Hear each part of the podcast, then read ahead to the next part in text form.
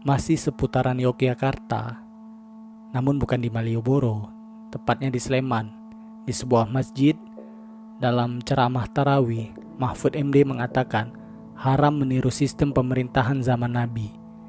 Dan Indonesia bukan negara Islam, tapi Islami. Untuk dua pernyataan ini, terlepas dari Profesor Mahfud atau siapa pun Anda yang mengatakan ini, ingat mau Anda profesor, kontraktor, doktor, ambasador, mau itu menteri, petani, atau kuli, selagi masih mengaku diri Islam dan menyatakan diri sebagai umat Nabi Muhammad SAW, demi menjaga iman Anda agar tak tergerus semakin parah, ingatlah, hidup kita yang sebenarnya bukan di dunia. Harta, tahta, mahkota, bahkan perpindahan ibu kota tiada artinya jika lisan tak dijaga dan iman makin melemah. Karena di akhirat nanti, amal ibadah dan iman yang sempurna yang akan berguna. Jadi hati-hatilah saat berbicara tentang iman dan Islam. Jangan disepelekan seperti guyonan dan na'udzubillah terkesan merendahkan. Untuk pernyataan yang pertama, haram meniru sistem pemerintahan zaman Nabi Coba ganti kata haram, terlalu ekstrim kata haram tersebut. Diganti kata mustahil atau sulit, mungkin tidak akan menimbulkan keresahan bagi umat muslim. Karena memang sistem pemerintahan Nabi tidak mungkin haram, walau tidak mungkin juga mampu dilakukan di masa sekarang. Dan yang haram itu adalah sistem pemerintahan Fir'aun. Walau ada yang mampu melakukannya, dan menerapkannya di negeri Wakanda. Dan untuk pernyataan yang kedua, Indonesia bukan negara Islam, tapi Islami. Tunggu dulu, Islam dan Islami. Bukankah Islami itu adalah perilaku yang sesuai dengan tuntunan Islam? Contoh seperti negara Jepang yang menganut masyarakatnya untuk antri secara teratur. Itu termasuk dalam Islam. Bab ishar mendahului orang lain. Jadi bagaimana mungkin Islami boleh, namun Islam tidak boleh. Sementara Islami itu perilaku yang sesuai dengan Islam. Bagaimana mungkin dipisahkan? Islam yang dibawa Nabi kepada kita sudah sempurna karena Allah yang telah mengajarkan Nabi ke semuanya bahwa Islam ya'lu wa la yu'la alaihi. Islam itu tertinggi.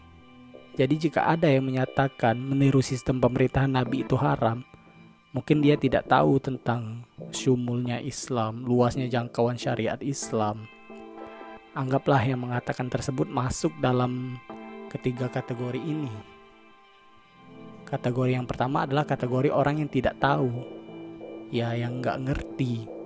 Kalau tidak tahu dan tidak ngerti, jangan terlalu banyak omong dan jangan terlalu lantang berbicara tentang Islam.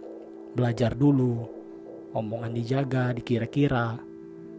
Kalau bahasa Jambinya, bahasa daerah saya, agak-agak dikit muncung tuh bos.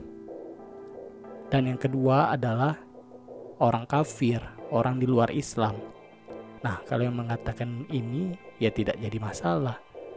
Toh orang kafir pun tidak meyakini tentang Nabi Muhammad Shallallahu Alaihi Wasallam. Jadi jika mereka tidak mau menerima syariat Nabi ya tidak masalah.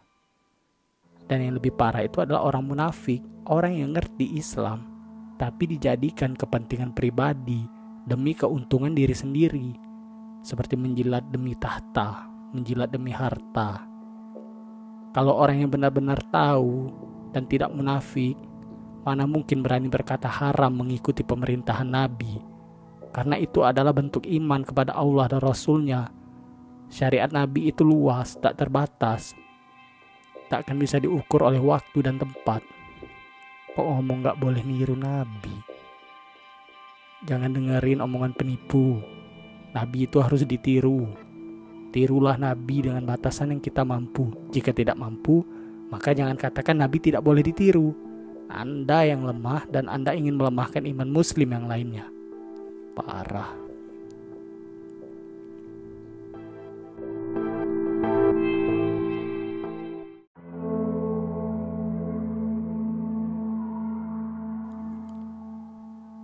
Saya tidak ingin terlampau dalam untuk menguliti siapa yang salah. Saya hanya ingin mengingatkan kepada kita, Muslim yang bersaudara, agar tidak mudah terpecah belah oleh omongan-omongan yang beredar di luaran sana. Mari rekatkan persatuan dengan keimanan yang kita tanamkan sedari dulu kepada baginda Nabi kita Muhammad Wasallam.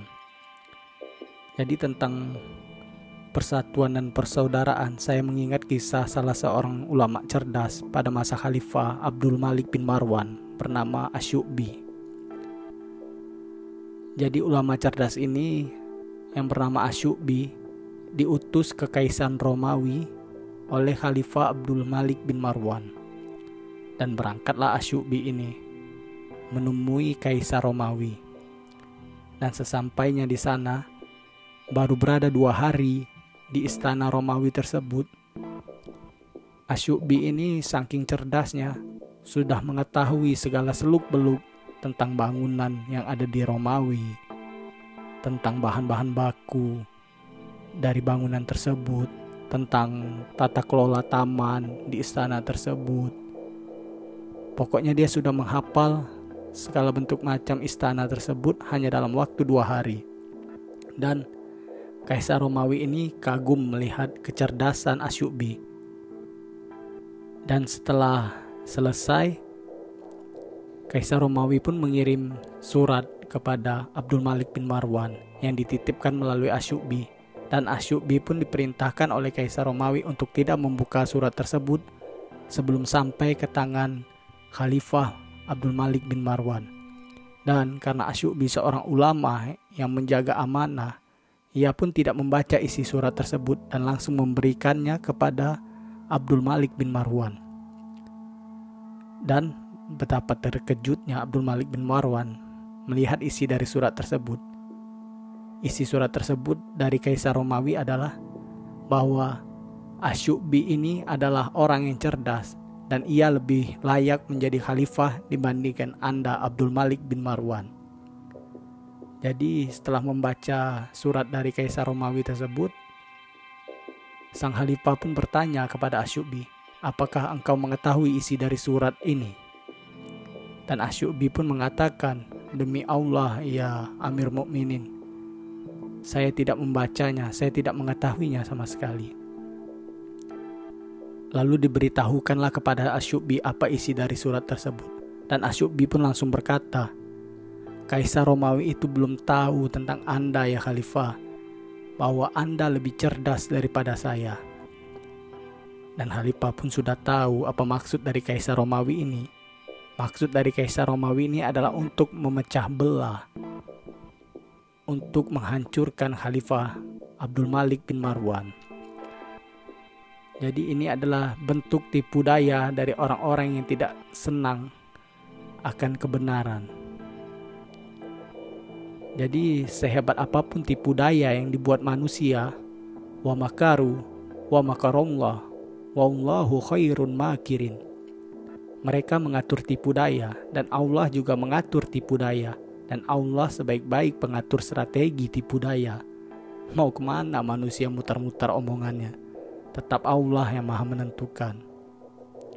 Jadi dikirim baliklah surat dari Abdul Malik bin Marwan untuk Kaisar Romawi.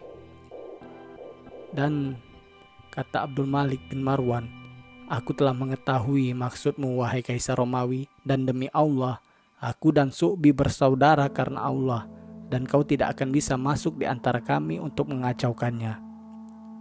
Lihat baik-baik bagaimana hubungan orang yang kenal dengan Tuhannya.